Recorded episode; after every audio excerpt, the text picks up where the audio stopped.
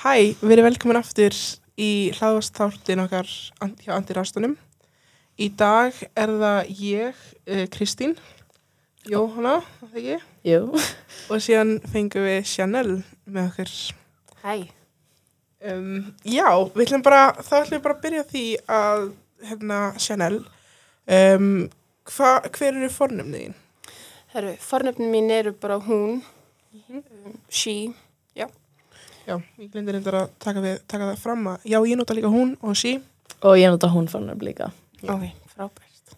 Já, ok. Þá er fyrsta spurningin, hérna, hvaðan, hvar ólstu upp? Hver er þinn upprýni? Sko, minn upprunni er, hérna, um, það sem ég finnst kannski, maður myndi kannski lýsa þessum þrýþætt. Ég er Íslendingur og það er svona þjóðurni sem ég teng, tengi kannski mest við. En mamma mín er upprunna frá Jamaiku og pappi minn er Íslendingur. En mamma ólst sem sagt upp í Englandi og, hérna, og ég ólst líka upp þar fyrstu tíu árin.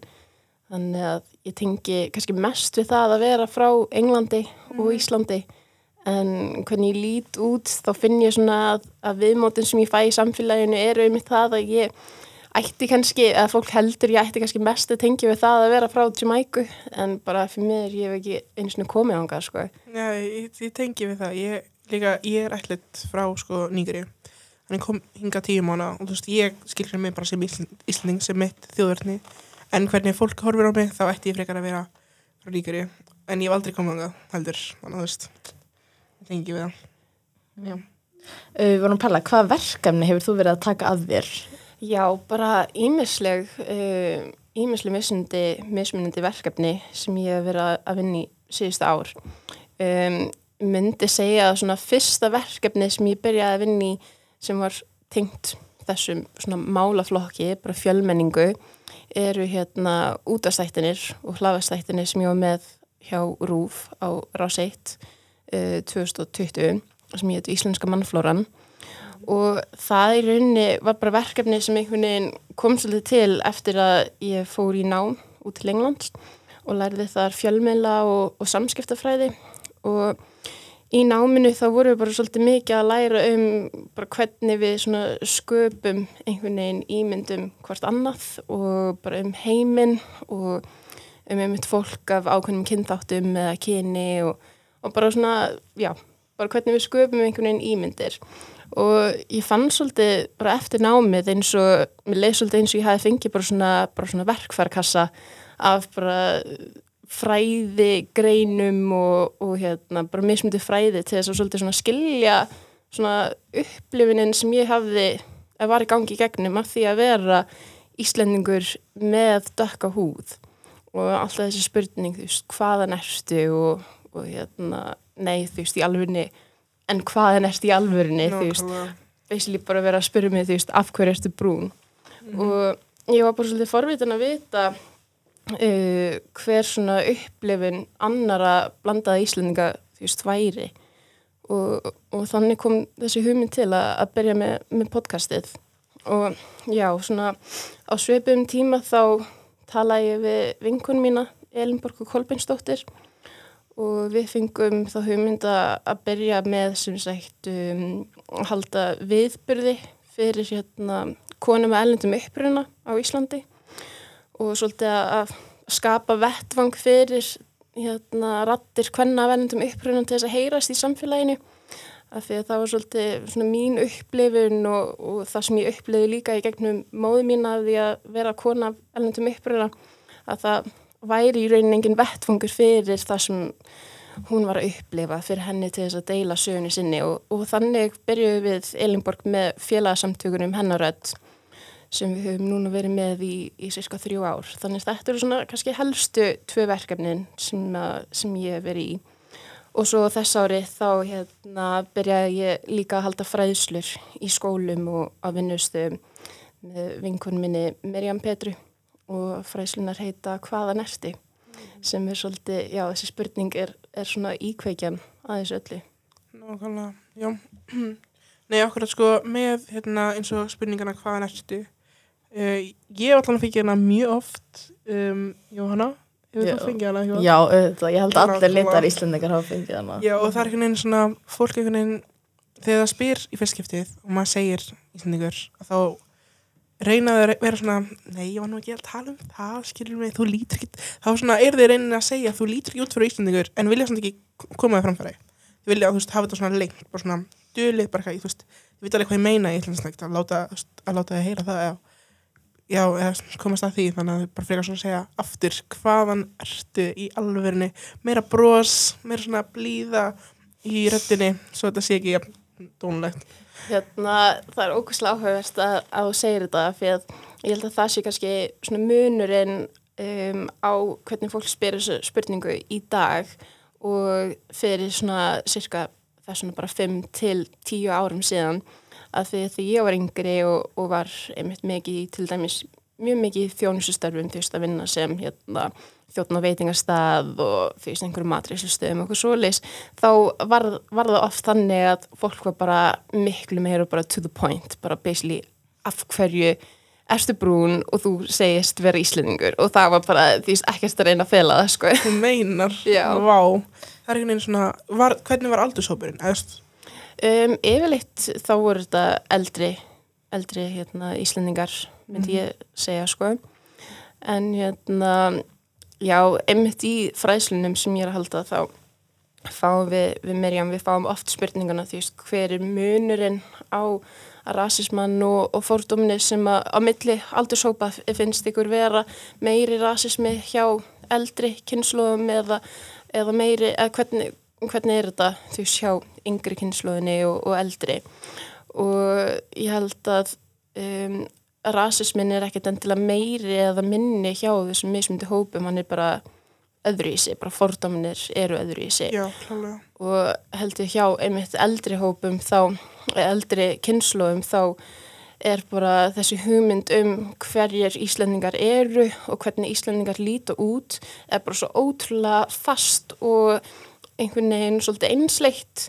En hjá yngri kynnslóðum þá er það ekkert endilega jafn einsleitt og það skiptir ekki alveg jafn miklu máli hvernig húðliturinn þinn er og, og það segir ekkert endilega mikið til um hvort þú sért Íslendingur eða ekki.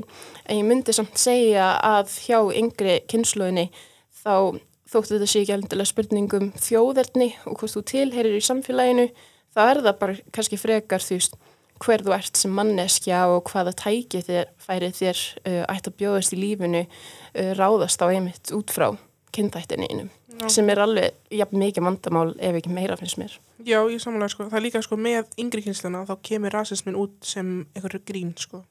Það er Nákvæmlega. meira um það hjá þeim, sko, eldri, eins og segir, er kannski meira kannski svona eldra, eldra fólk, það kannski er svona aðeins mér að næs, stundum líka er, þú veist, eldra fólk sem kannski bara vill ekkit, þú veist, tala um hann, þess að mann fekk ég að heyra, það, bara nýlega, ég var ekkert tímann að vinna og þá sem sagt, kom einhver kona upp að, sagt, ég var að kassanum, þá kom einhver kona sem var svona í kringum 50 eða svo, kom upp að hérna öðrum af, hérna afgræslumann, nei hérna starfsmanni sem er vinkonum mín og sagði bara eitthvað, hæ, hérna, erst þú til að afgræða mig? Og bara eitthvað, af því að þú veist, ég vil ekki tala ennsku eitthvað hann dæmi og þá hugsaði bara, þú veist, vinkonum mín bara ef hún hefði komið aðeins næta, hefði hún alveg heyrt að ég hefði talað ennsku, nei, íslensku. Og það bara svona, þá var þetta svona, eitthvað svona, ég veit ekki hvernig þetta fór hvort að hún hafi afgræðtana eða hvort ég hafi afgræðtana ég fór ekki ná mikið nárast út í þau það smátri en á saman tíma þá var þetta svona ég skríti einhvern veginn af hverju vildi ekki koma til mín af því að veist, ég var að tala íslenska allan tíman Mhm. líka þú veist, hvort ég hefði talað önsku ekki. Ég meina, ég þá allan að ég veit ekki, þetta er bara svona þetta var einhvern veginn, þetta var svona hulið eitthvað, þorði ekki að koma upp með mér þorði ekki að fara til vítramannsku Mm tala við veist, hana um að henni hjálpa sér út aðstæðunum eitthvað svona embarrassing dæmi. Já, það er aldrei, aldrei gaman að lenda í svona, svona atvikum og sérstaklega þú veist, þetta er um, heldur mjög gott dæmi um ur áriti og, og þessi svona þessar litlu uppákomur eða litlu atvursemtir innan gæsalappa Mhm. af því að einmitt þegar þetta er bara svona þegar maður tekur þetta fyrir bara, bara eitt og sér þá kannski lítur ekki, þetta ekkert endilega út fyrir að vera það stórt issue þannig, þannig séð eins og þetta ætti að hafa eitthvað það mikil áhrif á þig en það er einmitt bara þessi endutekning á þessum upplifunum og það að það sé endalust verið að segja manni að, að maður sé ekki nógu góður eða ekki nógu mikil íslendingur eða á ekki nægilega mikið uh, heima hér eða getur ekki verið að maður tala íslensku að því að maður lítur svona út. Veist, þetta náttúrulega byggist allt upp og, og, hérna, og verði til þess að þetta hefur þetta áhrif á bara sálalíf manns og, og, sjálfsmyndina og hvernig maður lítur á sjálfan sig ef, að, ef að aðrir geta ekki litið á mann sem hlut af samfélaginu. Þannig að það er bara ótrúlega mikilvægt alltaf að, að, hérna, að vekja aðtikli einmitt á öllum þessum atriðum eins og þeir eru að gera. Já, takk fyrir það. það er líka svona sífælt uh, það er sama, þú veist, sama hvort maður byggir svona meira sjálf, sjálfströst upp eða sama hversu mikið maður reynir að sanna fólk um að maður sé íslendingur og maður tala íslensku þá skiptir það rosalega litlu máli. Því að, að þú veist, ég veit að eil, þú veist ég veit að ég mun alltaf verið litin á sem útlendingur þrátt fyrir það að ég hef fæðst hérna þrátt fyrir að ég hef ólst upp hérna og ég tala íslensku og ég hef mentað mig ég, var, ég er í grunnskóla og ég var í mentaskóla og allt saman, sama hvað ég geri þá mun ég alltaf vera hort á sem útlendingur. Og það er saman hversu mikið sjálfstyrst ég byggja upp saman hversu mikið ég sanna fyrir fólki að ég sé íslendingur þá mun ég alltaf vera hort á mig sem útlending. Og það er bara, það er svolítið svona erfitt að meðtaka Einmitt. Og ég hugsa að því þetta er vandamál sem samfélagið þarf að díla við og þetta er ekki vandamál sem á bara að vera á þínum her herðum. Að þú þurfir að, að vera alltaf einmitt að reyna að finna nýja leiðir til þess að sanna fyrir öðrum. Einmitt því með svona verkefni og, og með því að tala um opinskátt um þínur upplifinir og svo leis heldur erum við svolítið komin á þann stað núna að við sem erum að, að upplifa þessa forduma og og upplifa þessa veist, einhvern veginn útskúin úr samfélaginu. Veist, við erum að gera ókslega mikið. Hvað ætlar, ætlar hinnir að gera fyrir okkur basically, þú veist, er þetta samfélag sem við viljum búa í að fólk sem ymmit eru, eru bara uh, svona fullgildir meðlimir og í samfélaginu og eru bara samfélagstegnar að þeim líður svona? Veist, er þetta í lagi? Og ég myndi halda að flestir væri alveg hérna, bara sammálu því að það er ekki í lagi Já, við vildum líka aðeins spyrja út í hennar rödd og hvers vegna byrjaði það og um hvað fjallar það? Já, við vildum bara spyrja Já. aðeins um það. En, endilega. Já, já, sorry, ægert, ægert, ég líks að reitt. Hérna, já, hennurrættin sem ég nefndi aðan kom svolítið til um, þegar að ég og Elinborg við vorum bara, þú veist, eitt kvöldstund að fá kaffi og, og súklaði saman og, og hérna vorum aðeins að tala um bara mömmu af því að mamma mín nef- nefnilega núna býr út í Englandi. Hún flutti aftur út til Englands um, fyrir kannski tíu árum síðan eitthvað svo leis og þegar að hérna, þegar hún bjó í Íslandi þá var hún ofta segja mig frá rasisma og forduma sem hún upplifiði hér sem svört kona. Og ég var kannski bara það ung á þeim tíma að ég skildi ekkert hvað hún var að tala um og ég bara leið svolítið eins og hún var að kvarta bara út af engu, af því að þetta voru hluti sem ég var ekkert að undirlega upplifa. Ég var ekkert komin á, út á atvinnumarkaðin og ég var ekkert að sækja þjónustu og kannski líka með það að ég talaði betur íslensku heldur en hún og hún er líka miklu dekkra og hörund heldur en ég. En eftir að já, ég fór í námið og fór þá miklu meira að pæla í bara rasismann og fordumarnir sem eru í íslensku samfélagi þá áttaði ég mig á því að um, það var í rauninni rosalega kannski svolítið sorglegt að mamma fjekk ekki tækifæri til þess að, að, hérna, að deila þessum upplifunum með, með samfélaginu. Og líka þegar hún bjó hér þá tók hún alveg vir, mjög virkan þátt í samfélagi hvernig velundum uppruna á Íslandi og var að vinna í því með woman samtökunum samtök hvernig velundum uppruna að uh, sapna saman bara sögum hvernig velundum uppruna og gefa, út, uh, gefa sögunar út sem bara bók. Og hún var alveg komin um, langa leið í, í þetta ferli að það er saman sem voru að vinna í þessu verður að taka upp uh, viðtöl og taka myndir af viðmælindunum og svona. En bara fyrir mér á þeim tíma fyrir tíu árum síðan þá var bara ekki nógu mikill einhvern veginn áhugi í samfélaginu fyrir þetta málefni. Og verkefnið bara komst ekki lengra. Þannig að við Elinborg vorum að tala um þetta. Elinborg er sem sagt lærið í mannréttindum og við hugsaum bara að þetta væri tilvalið tækifæri einhvern veginn til þess að samin á svona fjölskyldu bakgrunni minn og, og þekkinguna, sérfræði þekkinguna hennar á þessum málum og líka bara þetta er hennar áhuga svið að við myndum svolítið já, bara svona samina okkar krafta einhver leiti og við ákvaðum að, að byrja með að, að hérna, halda bara viðbyrði, þú veist að halda pallbásimræður sem hafa síðan þróast út í rástefnur, við heldum okkar fyrstu rástefnu á síðustári og hugmyndin var líka alltaf að, að halda þetta í kringum 8. 8. mars sem er alþjóðlegur bárhustu dagur hvenna velundum uppröðuna, eða hvenna reyndar um, og Já, það náttúrulega breytist aðeins og síðust ári út á COVID. Mm. rástefninu var haldið í hún var haldið í, í oktober í staðin og já, það gengur bara ótrúlega vel. Just, nún í dag þá eru þá er hennar að þetta eru samtök. Og við erum einmitt byrjaðar að sapna félagsmeðlum. Þannig að það er hægt að fara inn á heimisíðin okkar hennarætt.is og, og skrá sig sem, sem meðlum þar og svo erum við í samstarfi við víuútgáfu í dag og erum að stefna að því að gefa út uh, bók sem er samansapna af sögum hvernig verðindum uppruna. Og við erum búin að taka viðtöl við uh, minni með 36 konur og þetta er allt uh, konur sem eru aðflyttar, innflytjendur sem að hafa allar bara ótrúlega magnaðar sögur að segja og Ég held að það sé komin tími til þess að við lítum á bara allt fólk af velendum uppruna í íslensku samfélagi sem bara demantar, þetta er bara fjársjóður af þekkingu og, og reynslu og, og menningu sem við hefum að vera að nýta í samfélaginu okkar en ekki, ekki einhvern veginn að gera þeim einmitt erfitt að taka þátt og vera hérna, samfélagsþegnar.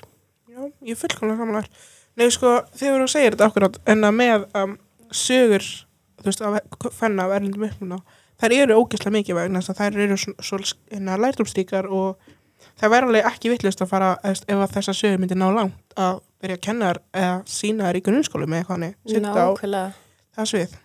Það gæti alveg verið bara fræðslefni í sjálfinsir, sko. Nákvæmlega, og líka bara að væri góð skilda einhvern veginn að, að láta, að byrja fólkum að lesa þetta en þess að kennara hefur líka alveg gott á þessu, ekki bara krakkar. Já, nákvæmlega. Og hérna það verður bara ótrúlega, ótrúlega mikilvægt og frábært sko.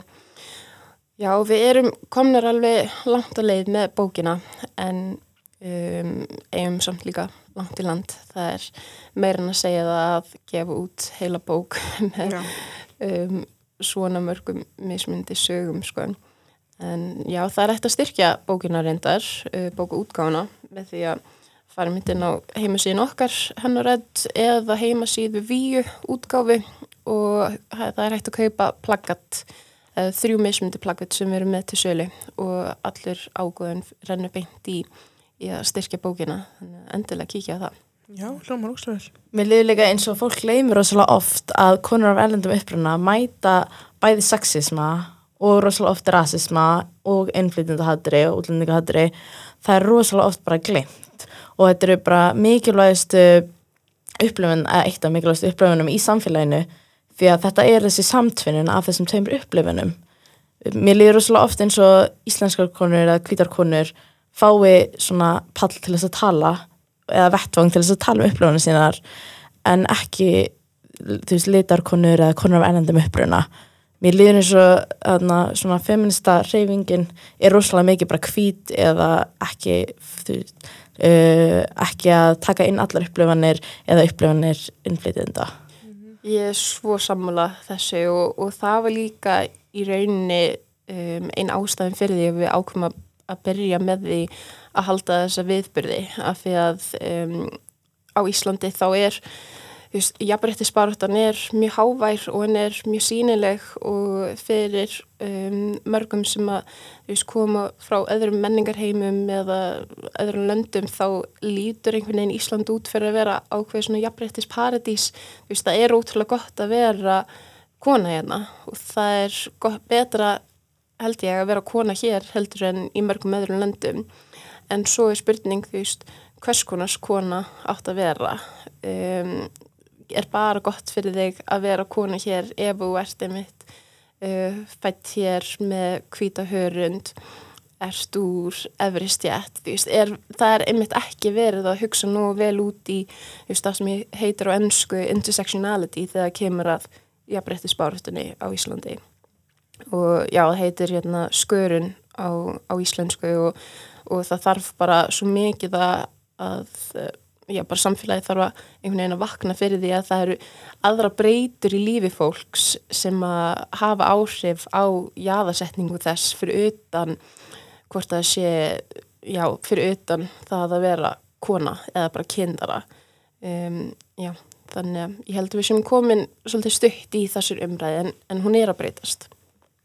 Já, ég er okkur sko í kynjafræði skólanum og þar myndi að flokka sér til margþætt að mismunum vegna þess að þá er bara verið að, að taka til gildis um, sögur og rattir hvenna sem eru kvítar, ófallar um, gagginheðar oftast og eru bara í mjög millir forhundastuðu og það er það sem að vantar í samfélag það þarf sko að leifa öllum röttunum að heyrast. Það er ekki nóg að taka bara þeirra sögu að mark, marki, það þarf að hlusta á allar sögunar vegna þess að allar sögunar er mismunandi fólk upplýðir hlutina, allt öðru í sem aður er og þar alveg er ekki hægt að taka bara eina sögu til gildis Algjörlega En já, ég var að pæla sko með hérna, hérna fyrirlestunni ykkar, hvaðan ertu uh, hvernig er að ganga með að fara í, er ekki að fara í skóla? Jú, við erum að fara í skóla, kannski fyrst og fremst í skóla mm -hmm. og uh, félagsmiðstæðar líka. Við höfum líka haldið uh, einhverja fyrirlestra fyrir um, bara á vinnumarkanum mm -hmm. og þetta gengur bara mjög vel sko. Það verkefni eiginlega byrjaði svolítið bara óvart. ég, ég hafði þetta alltaf í huga að það væri gaman að fara einhver tíman út í það að halda fræðslur en það var ekkit endilega just, á döfinni hjá mér á næstunni þannig séð um, en já, síðust árið fekk ég sem sagt um, bara var bóðinn af Háskóla Íslands til þess að halda hátegisfyrirlestur um hérna bara kynntáttihyggju og kvítleika innan skólakerfisins á Íslandi og ég heyrði í henni Mirjam Petru og spurði hana hvort hún væri til að, gera þetta með mér og dætt í huga að það getur verið svolítið sniðist að fá um, einhvern eins og hana. Hún er um, bæði frá Íslandi og á líka ættir að reykja til Egeðslands og hefur þannig, þannig hún hefur kannski upplifað einhver, eitthvað sömu fordóminum um, sem ég hef upplifað en kannski á allt annan hátt mm -hmm. og líka mikið fordómum sem ég hef ekki upplifað sem að hún hefur hérna þurft að sætta Þannig að, já, við ákveðum að halda þannig fyrirlestu saman og nýta svona okkar, já, ólíka þekkingu og ólíka reynslu á viðfangsefninu. Og það gekk bara ótrúlega vel að halda þannig fyrirlestur og, og eftir það þá fengum við bara svo mikið fyrirspurnum um að koma og halda fræðslir og þetta einhvern veginn bara vattu upp á sig og já, ég held að man ekki hvað við erum búin að halda fræðslu fyrir, ég held að það að vera árinu 2020, nei 2021 þá heldum við fræðslu fyrir yfir 500 börn og fullnáfna allt í allt. Já, ok, já. Wow. og voruð bara allir að hlusta og syndi þessi áhuga? Já, það kom nú alveg fyrir sérstilega þegar við vorum að halda fræðslur á rafaræna máta, það var kannski smá erfitt að halda aðtykli eh, fólk svo sérstilega þegar vorum að halda fræðslu fyrir unga krakka. Mm -hmm. það er just bara maður þarf einhvern veginn að nálgast í aðeins öðru í sig heldur en þegar maður er að tala við einmitt háskóla háskólanemundur Já, nákvæmlega, nákvæmlega er eitt fyrir að sitja á kjörur Já, en við hefum fengið uh, fengum styrk frá landsbankunum um daginn uh, til þess að þróa fræðslefnu okkar sem var frábært. Og svo hefur við líka fengið styrk frá Reykjavíkuborg til þess að, að hérna að vinna ákveðnum verkefnin að, sem sagt að búa til ákveðið fræðusle efni undir hatti uh, hvaðan ertu eða undir formerkjum hvaðan ertu. Þannig að það er ímislegt uh, spennandi í bígerð og heimasíða líka. Þannig að það verður kannski aðeins auðvildur að nálgast okkur og, og bóka þannig já bara endilega uh, í hvert hlustundur þess að fylgjast með því Þannig að þú veist að byrja með Kastljós, er það ekki? Akkurat. Það, ég horfði á fyrsta þáttin, ég var svo spennt, en að hvernig gengur bara í því og hvernig er það að fara fram? Það gengur mjög vel og bara ótrúlega spennandi. Um, ég, mér langaði einhvern veginn alltaf til þess að vera sjómaskona frá því að ég var lítil þannig að þetta var mjög óvænt uh, þegar þetta gerðist en ég bara er að koma mér einhvern veginn inn í þetta. Þetta er náttúrulega bara nýtt starf sem ég byrjaði í núni í janúar og er bara að, að hérna, feta mig áfram í því og finnst þeim bara ótrúlega gaman að sjá hvað ég fekk um, frábæra viðtökur því ég sæði frá að ég væri að ganga til liðs við kastljósið, uh, kastljósa teimið og ég held að sé bara búið að vera smá ákall til samfélagsins að fá meiri fjölbreytni mm. á skjánum landsmanna. Þannig að það er útrúlega bara mikill heiður að fá að eiga þátt í því. Mjög gaman. Já, ég sko sá myndir, ég bara, oh my god, þetta er Chanel, guys, er það greinast? Það var ógeðslega gleðið þetta er líka svo skiptið svo miklu máli, þetta er svona innra barni, innra mig, eða skilur barni innra mig, inn, já, ég held sér rétt, hérna var bara svona, þetta var svona gott, einhvern veginn, svona afslöpun einhvern veginn innra með mér, þess að þá loksins mun einhver sem er yngri, skilur, sjá loksins einhverja fyrirmynd, skilur, sem að ég sá ekki nógu mikið af. Nákvæmlega og ég held að það er mitt tengist svolítið það sem ég voru að tala um áðan með munin á fordómana og, og rasisma millir svona yngra kynsluðunar og eldri um, það vantar svo mikið að sína fjölbreytileikan sem er á Íslandi. Og ég held að ef að fjölbreytileikin er þið sínilegri þá myndi þessar hugmyndir hjá yngri börnum um hvernig svart fólk er, hvernig fólk af asískum uppruna er, hvernig fólk af miðið austurlenskum uppruna er. Þú veist, ef að þau myndi sjá allskynns mismundi fólk á bara í íslensk sjónvarp, í íslensku efni, þá myndi þau átti sig líka á því að veist, þessir einstaklingar geta verið alveg fjölbreyttir og hvítir einstaklingar mm -hmm. og alveg fjölbreyttir og, og allir íslendingar. Þannig að, já, þetta er, þetta, það er margt sem þarf að bæta í þessu af því að það er líka það að hérna, eins og segir það skiptir svo miklu máli að geta endur spekla sig í það sem maður sér mm. því að maður getur það ekki þá líka kemur það í veg fyrir að maður geti ímynda sér um, að þetta sé tækifæri sem um, maður sjálfur gæti kannski þú veist fengið einhver tíman mm. veist, ég nota oft dæmið í í, hérna, í fræðslunum að því ég var krakki og voru að fljúa millir Íslands og, og Englands með Æslandeir þá hugsaði ég oft, ó þessar flugfræður eru svo glæsilegar, vákvæði væri til ég að vera einn dag ég vera flugfræða en það eru allar kvítar og lit út fyrir að vera bara mjög svona típiskar íslenskar konur. Og það var bara til þess að ég hugsaði því að ég get aldrei verið flugfræða því að ég er ekki með nógu slett hár og ég er ekki nógu fallega því ég er ekki svona hvít eins og það er en það er náttúrulega breyst og við svo miklu meiri fjölbreytileika innan þessa starfstjætts í dag. En þú veist, ég hugsaði því ég var krakki að þetta væri einhvern veginn starf sem ég gæti aldrei, aldrei farið í. Já, ég tengi við það, sko, ég við sýsturna, sko, ég og Vala tvíbarsist mín, við vorum sérst oft í leikust við vorum yngri. Og við vorum okkur fannst þetta ósast gaman ósast spennandi að sjá allt þetta fólk vera að leika og við vorum, okkur langaði alltaf að vera leikari okkur langaði ofta að vera leikari mér langaði mjög mikið að vera leikari. Ég telum að vera mjög góð í að spuna það er kannski bara ég, nei, svolítið ekki. Nei, það er ekki bara ég, nei. En hérna, en síðan sko sá ég aldrei skiljur, neitt sem var litar eins og ég upp á sviði, þannig ég bara ég gæti aldrei, það er enginn, þú veist, ég það þá að vera ljósari, því að þú veist ef ég var ekki brún, þá væri ég kannski búin að fá þá myndi ég kannski ná þessu, eða þá myndi ég kannski geta fara upp og geti, geti kannski neitt að vera leikari, þetta er bara svona þetta er bara brengluð hugsun einhvern veginn við lítið barn líka bara sem að bara veist, þetta er hindrunin, liturinn er að hindra mig til þess að geta gert eitthvað sem ég gæti auðvitað gert. Sem er bara ógslag leðilegt og svona sorglegt Ótrúlega sorglegt sko. Þetta er áhrifin sem að, sem að það að geta ekki um þetta að speikla sig í það sem að sér? Þetta er áhrifin sem það, sem það hefur sko. Mm -hmm. Já, mér líður líka eins og þegar Íslands sjómarsafni endur speiklar ekki Íslands samfélag þá gleymist rosalega ofta þessar hópar sjöu hérna. það eru 15% af uh, íslensku þjóðinni eða fólki sem byrju í Íslandi eru af verðlendum uppruna, það gleymist rosalega oft. Ég var heissa að heyra þess að tölu því að ég held ekki að það veri svona mikið af fólki af erlendum uppruna en það eru 15% af þjóðinni sem eru af erlendum uppruna.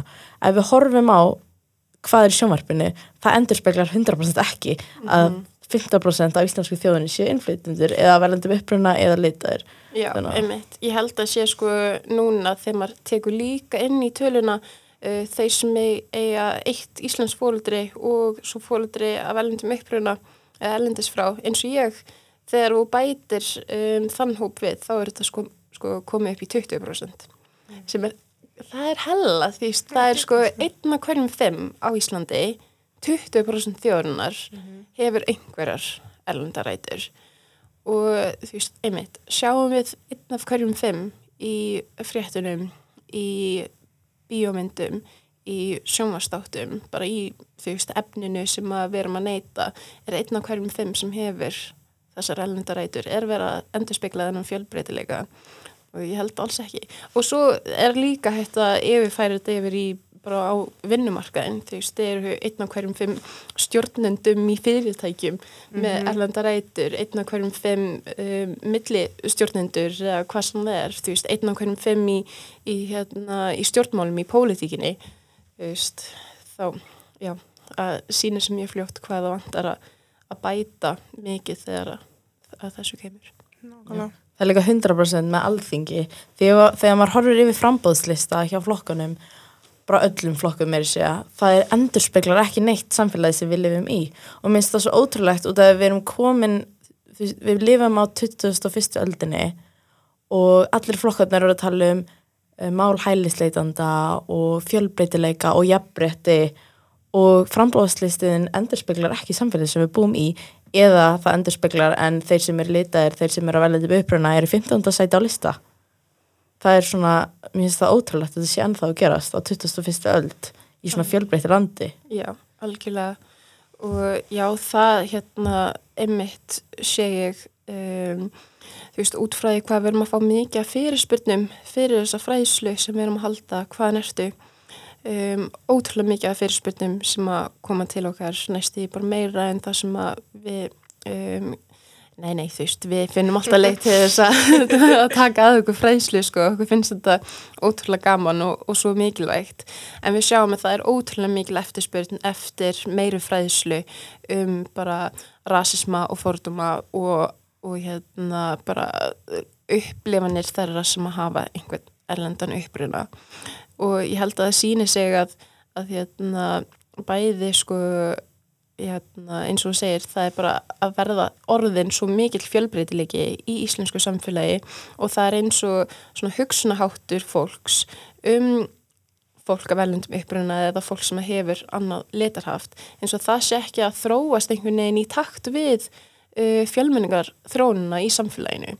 Hlutinir eru að gera svo hratt og við erum einhvern veginn núna bara svona að reyna einhvern veginn að gera eitthvað til þess að komast í veg fyrir því að að ungu börnin sem eru í skólum séu ekki að upplifa rasisma frá hérna, samnefndum þeirra. Já, nei, nákvæmlega. Það er líka sko, hérna, ég ætla að segja eitthvað. Ég glemdi alveg hvað ég ætla að segja. Ah, það er svo leiðast. Ég var með ekki að gegja, sko. Ég ætla að, ég var alveg hundra með það. Það kemur eftir smá. Kemur eitthvað smá. Um, en já, sem sagt, ég er að pæla að þú ert til ég að segja okkur frá ykkur leinstuðinni. Já, um, algjörlega. Sko, mér er mjög oft þegar ég er einmitt svona spörð út í hvaða rasisma eða forduma ég hef upplifað um, sem um, letaður Íslandingur. Það finnst mér stundum eins og, eins og ég hafi verið allt of heppin í æsku eða allt of um, heppin í gegnum æfina að hafa ekki upplifað eitthvað ógæðislegt ofbeldi í minn garð en svo því ég hugsa út í það að ég skulle hugsa að ég sé heppin til þess að hafa ekki lendi í einhver svo list, þá er það líka alveg galið Já. og það er mjög oft sem ég lendi í því að, að um, ég sé kannski að búast við því að einstaklingur um, muni tala við mig á ennsku að fyrrabræði eða búist við því að þau verði kannski eitthvað einmitt uh, fordóma full í minn garð og þau eru það ekki og þá verði ég ógslag glöð að þau voru það ekki.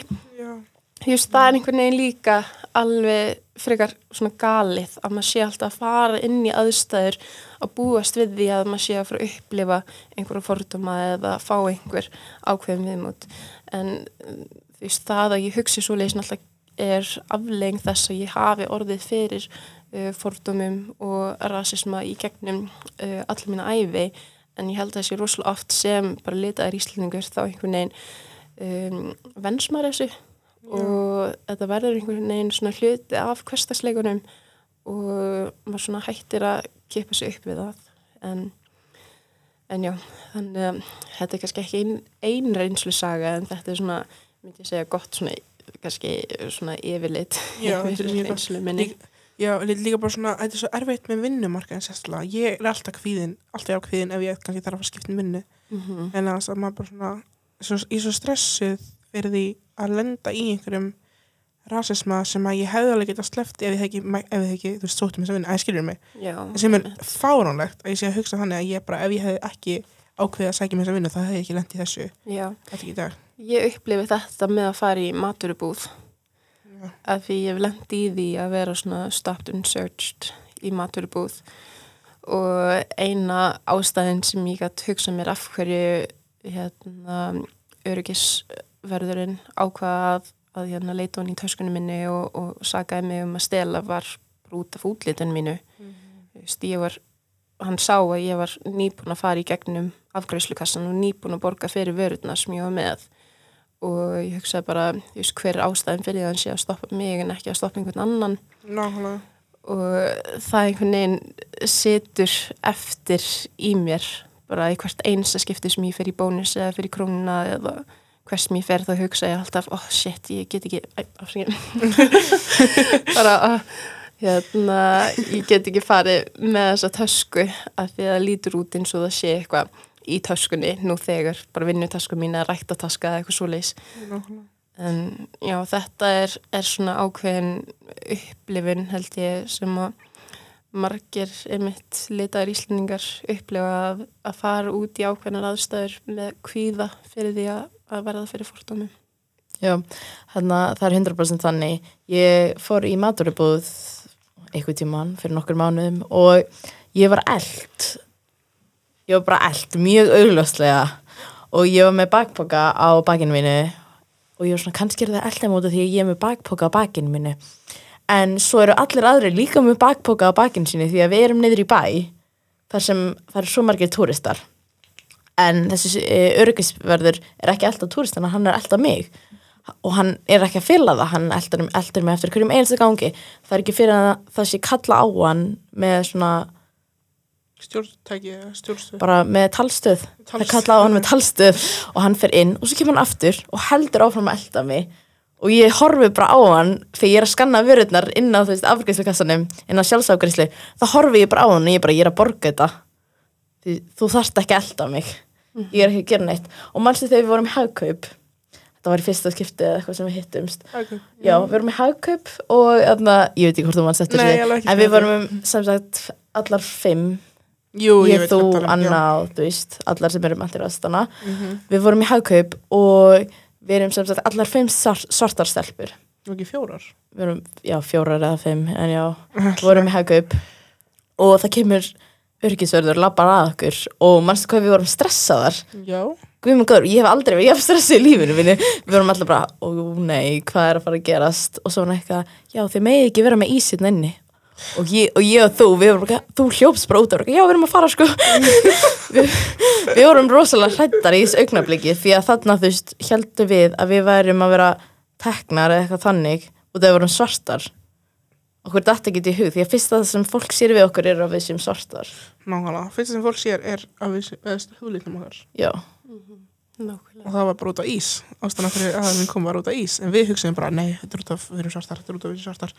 Það passa okkur Nákvæmlega.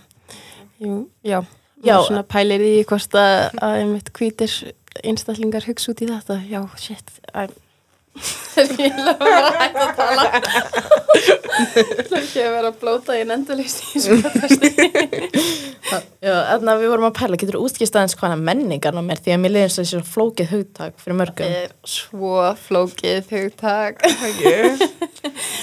Já, það er ótrúlega flókið og hérna allavega um, svona útskýringin eða leiðin til þess að mín leið til þess að skilja hvað menningarnám er, er að þetta snýst svo mikið, þetta snýst í rauninni fyrst og fremst um vald og þetta snýst um valdastruktúr sem er í samfélaginu og það, menningarnám er í, í fáum, eins fáum orðum og ég get um, sagt um menningarnám þá er það þegar yfirándi hópur í samfélaginu eða bara í heiminum eða já um, tekur að sér eða eignar sér um, menningar einkenni eða þetta þarf ekki einu svona verið hlutur, þetta getur líka verið uh, þessuna talsmáti eða, eða siður eða venja, eitthvað svo leis, úr um, menningarhóp um, hóps sem er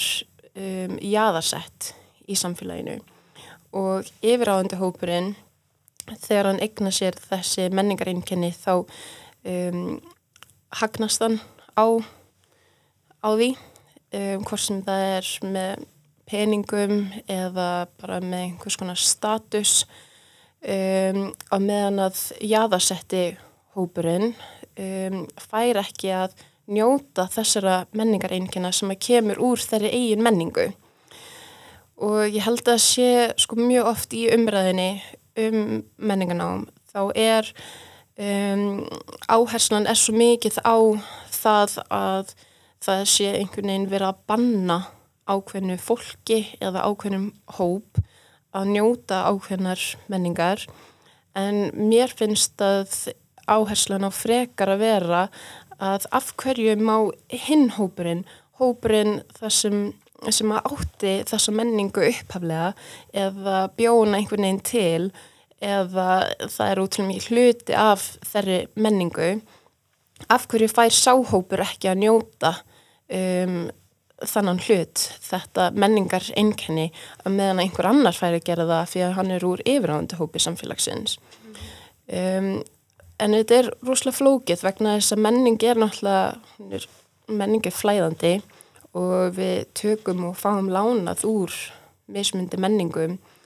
Og svo er það líka spurning um að finna þessa fína línu á millið þess hvenar eru að, að fagna ákveðna menningu og hvenar eru við að, að nefna og taka hana að okkur án þess að bera virðingu í rauninni fyrir, fyrir arfleith þessar menningar eða arfleith uh, hópsinn sem hefur fagnað þessa menningu eða þannig, þetta menningar einkenni uh, frá því að það var til. Þannig að ég held að mjög oft í umræðinu um menningarnám þá uh, verður þetta svolítið svona einstaklingsbundið og við förum kannski svolítið út í það að skamma ákveðnan einstakling fyrir að gera eitthvað sem að hann innan gæslappa má ekki gera. En ég held að sé um, eftir því að ég var alltaf að fara að skoða hugtakið betur og fylst með umræði um menningarnám þá held ég þessu miklu betra að vera bara kritiskur úr öllum, öllum áttum einhvern veginn.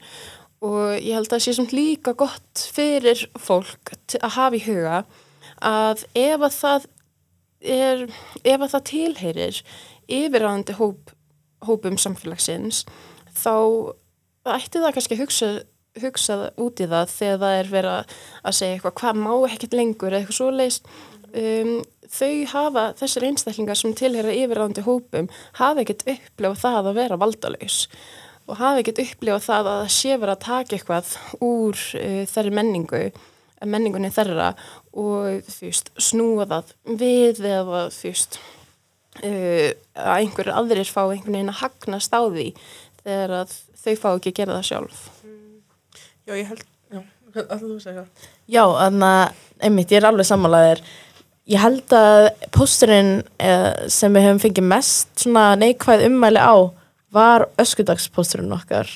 Já. Þar sem að við töluðum um menningarnám, við töluðum ekki reyndar beint um menningarnám, en við töluðum um svona hvers vegna sumir hlutir, eða svona sum, sum svæði af menningu er ekki beint hægt, er kannski best að vera á öskudag sem búning eins og þú veist blackface eða frumbyggi frá Ameríku við tölum um þessa hluti og við höfum aldrei fengið að neikva ummæli á neinum posti og þetta er rosalega, rosalega, rosalega hvernig segir maður, controversial Já. Já. Umdilt. eða Já, algjörlega. Ég held að hérna, einn svona, eitt sem er gott að segja við fólk í tengslu við þetta þegar það segir, þú sé hvað ég er bara að fagna hérna, uh, þannig menningarheim með því að klæra, klæðast upp í búning um, einmitt frumbyggja í Ameríku eða uh, búning uh, Araba eða einhver búning sem að á að tilheyra eða tákna einhver menning einhver menningu þá finnst mér rosalega gott að um, spyrja fólk, ok, þú veist, ef þið langar svona mikið að fagna þessu menningu, akkur gerur það ekki þá hverjum einasta degi? Akkur ertu þá ekki í þessum búningi þú veist, alla aðra daga en á öskudeginum? Og svarið er þá vegna þess að á öskudaginn þá er að fagna eitthvað sem er öðruvísi og við erum að fagna eitthvað sem er út fyrir normið. En það er ymmit það sem verður til þess að fólk sem er um, fólk sem tilheyrir þess, þessi öðruvísi innan gæslappa um, menninga heima að þau verða alltaf öðruvísi, þau fá aldrei að vera hluti af norminu og það er ymmið það sem fjölmenning fjallar um.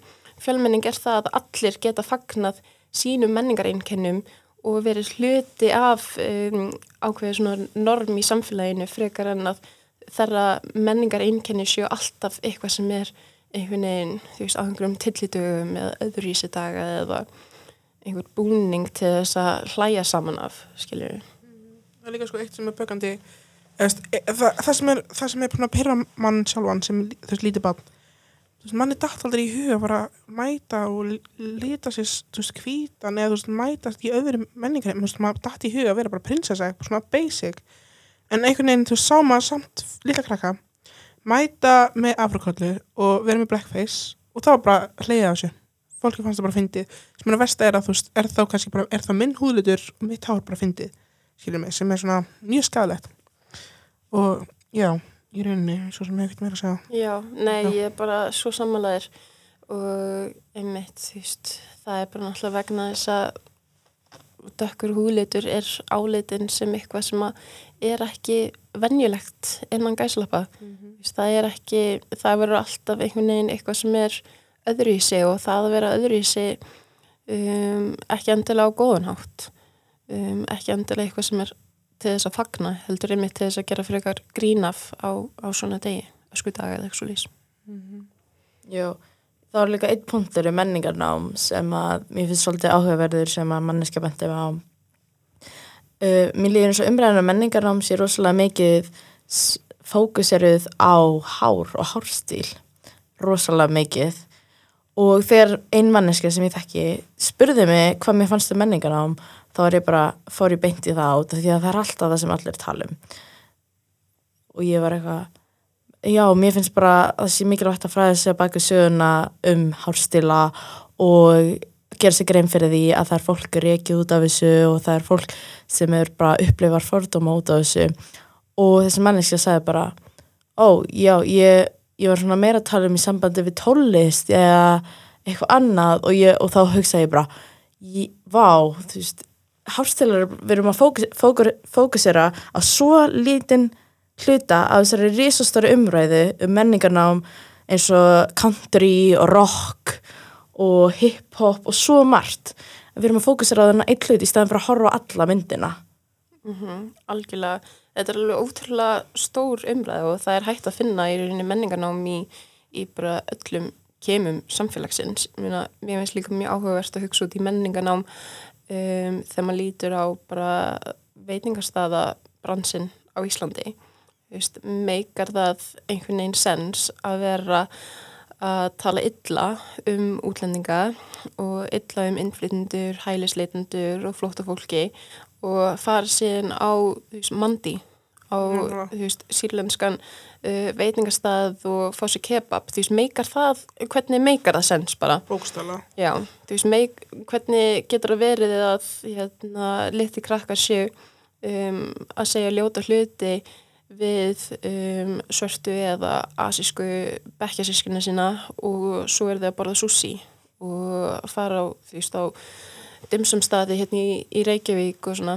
Og náttúrulega þegar við lítum á bara matarmenninguna á Íslandi þá er það alveg greinilegt að fjölmenning hefur haft ótrúlega mikil áhrif á bara veitingastæðina og, og bara matamenninguna yfir höfuð. En um, það er eins og fólkinu sem hefur fært okkur þessu luti þeim sé ekki fagnað eins mikið og, og maturinn er fagnaður. Já, það er líka svo, það er eitthvað líka sko umræðan á Facebook að þá sérst var ekki tímann voru að tala um sérst að því að hérna Lenja er ekki að berjast fyrir þeim rétt eða skildum á alþingi og veist, allir aðrir veist, um veist, eldra fólkið og þau er þar að þá er Íslandinga sem er bara hún á ekkert að vera þingi, hún er ekkert að hugsa um okkur darara, og síðan eru aðrir að segja bara að, að við, þú veist, við útlendingarnir séum vandæklátt vegna þess að við erum alltaf að kvarta. Þannig að þá erum við tekin sem vanþakl eða þá erum við tekin sem vanþaklir vanþaklæt vanþaklæk Vanþakklátt. vanþaklátt til einstaklingar já. Um, og sem er ógæslega ósengjant vegna þess að þá er rætt þess að við eigum ekkert að segja neitt að þá eigum við bara að leifa fólki að vaða yfir okkur og við eigum bara að vera þakklátt vera fegin að við komum til hinga til veist, Íslands og við eigum að vera veist, eina af þeim hefnu en það einhvern veginn passar ekki vegna þess að veist Ísland er að njóta góðs af matnum sem að veist, sem að kemur frá öðru, öðrum löndum. En samt eru þau með eh, skýtkast gagvar þessum upprunum eh, Þetta er svona þessi svona white savior complex Já, einhvern veginn uh, við lítum svo á að við séum einhvern veginn að bjarga um, bjarga öðru fólki Mhm. uh, bjarga fólki frá öðrum heimslutum en við sem bara Íslandingar og, og Ísland sem land og þjóð er hluti af alheims samfélaginu og hefur verið það lengi og ef að Íslandingar geta uh, farið á milli landa og flytt til annar landa um, ættu, við, ættu þá ekki aðrir frá öðru löndum að geta flytt hingað? No. ég meina einmitt eins og segir, hvernig meikar að sensa við séum að, að, að, að njóta og, og taka og nota um, menningu annara hvort sem það er í matarmenningu eða í bíu eða tónlist. Og líka mjög áhugavert að skoða tónlistastefnun á Íslandi hvernig hún hefur orðið fyrir miklum, hérna, miklum áhrifum frá öðrum löndum, öðrum menningarheimum og ef við ætlum að, að, hérna, að tilengur okkur þessu hluti þá verðum við líka að, að bjóða uh, fólkinu frá þessum heimslutum líka. Um, velkomin með op opnum örmum. Nákvæmlega. Já, ég held að ég sem bara búin með svinningarnar Ok, vá, þetta var bara mjög skemmtilegt spjall og um langar bara að segja að, að þið eru að gera ótrúlega flotta hluti og ég held að það sé bara svo mikilvægt fyrir einmitt næstu kynnslóðir að sjá um, það sem þið eru að gera og, og sjá möguleikana sem eru í bóði og, og sjá það að einmitt um, þið séu að vera hávær um, um hérna, það sem þið eru að upplifa og vonandi verða næstu kynnslóðir það líka. Já, ég vona það. Ég, Takk í fyrsta lagi og ég vona það líka sko. En ég ætla að segja ég lærði alltaf heil margt á hlusta á þig ég, og ég vona að þið sem eru að hlusta lærði líka óslega mikið. Er, er eitthvað sem ég vil segja að lókum? Um, kannski bara það er hægt að finna mig á Instagram, ég heiti Chanel Björk og hægt að fylgja síðinu minni uh, Mannflóran og síðu Hvaðan ertu um, og síðu Hennar Rödd líka á Instagram og vonandi á Facebook líka á næstunni. Og já, bara ógæslega gaman að að koma og tala við ykkur, bara takk fyrir mig Takk fyrir að koma. Mér langaði líka að segja eitt í viðbót Já. en það má mér langaði bara að segja að við erum ógæslega þakkláttar fyrir bara allt starfið sem þú hefur verið með Já, í tengslu við rasisma og fordóma og innflytjað hattur Þú er svona eitt af svona fyrirmyndunum okkar og við viljum bara segja við sem rosalega þakkláttar fyrir allt sem það hefur gerst já, Takk helga fyrir það, mjög gaman að heyra. Og já, það er bara svo mikið af flottu fólki á Íslandi sem hefur einhverja ellendarætur og eins og ég sagði á þeim, þetta er bara fjársjóður, sjóð, fjársjóður sem við þurfum að nýta betur í samfélaginu. já En já, þá er þetta bara að lókum hjá okkur og ég ætla bara að þakka Chanel. Eða við viljum bara þakka Chanel fyrir Já. að koma og tala við ykkur. Um, þið getið fundið hlaðvarpið á öllum streymisveitum um, sem eru í bóði. Uh, Spotify, uh, Podcast, Anchor og ykkur fleiri. En hérna að lókum þá ætlum ég bara að þakka fyrir okkur og við sjáum síðan næsta þetta. Já. Já, takk. Takk.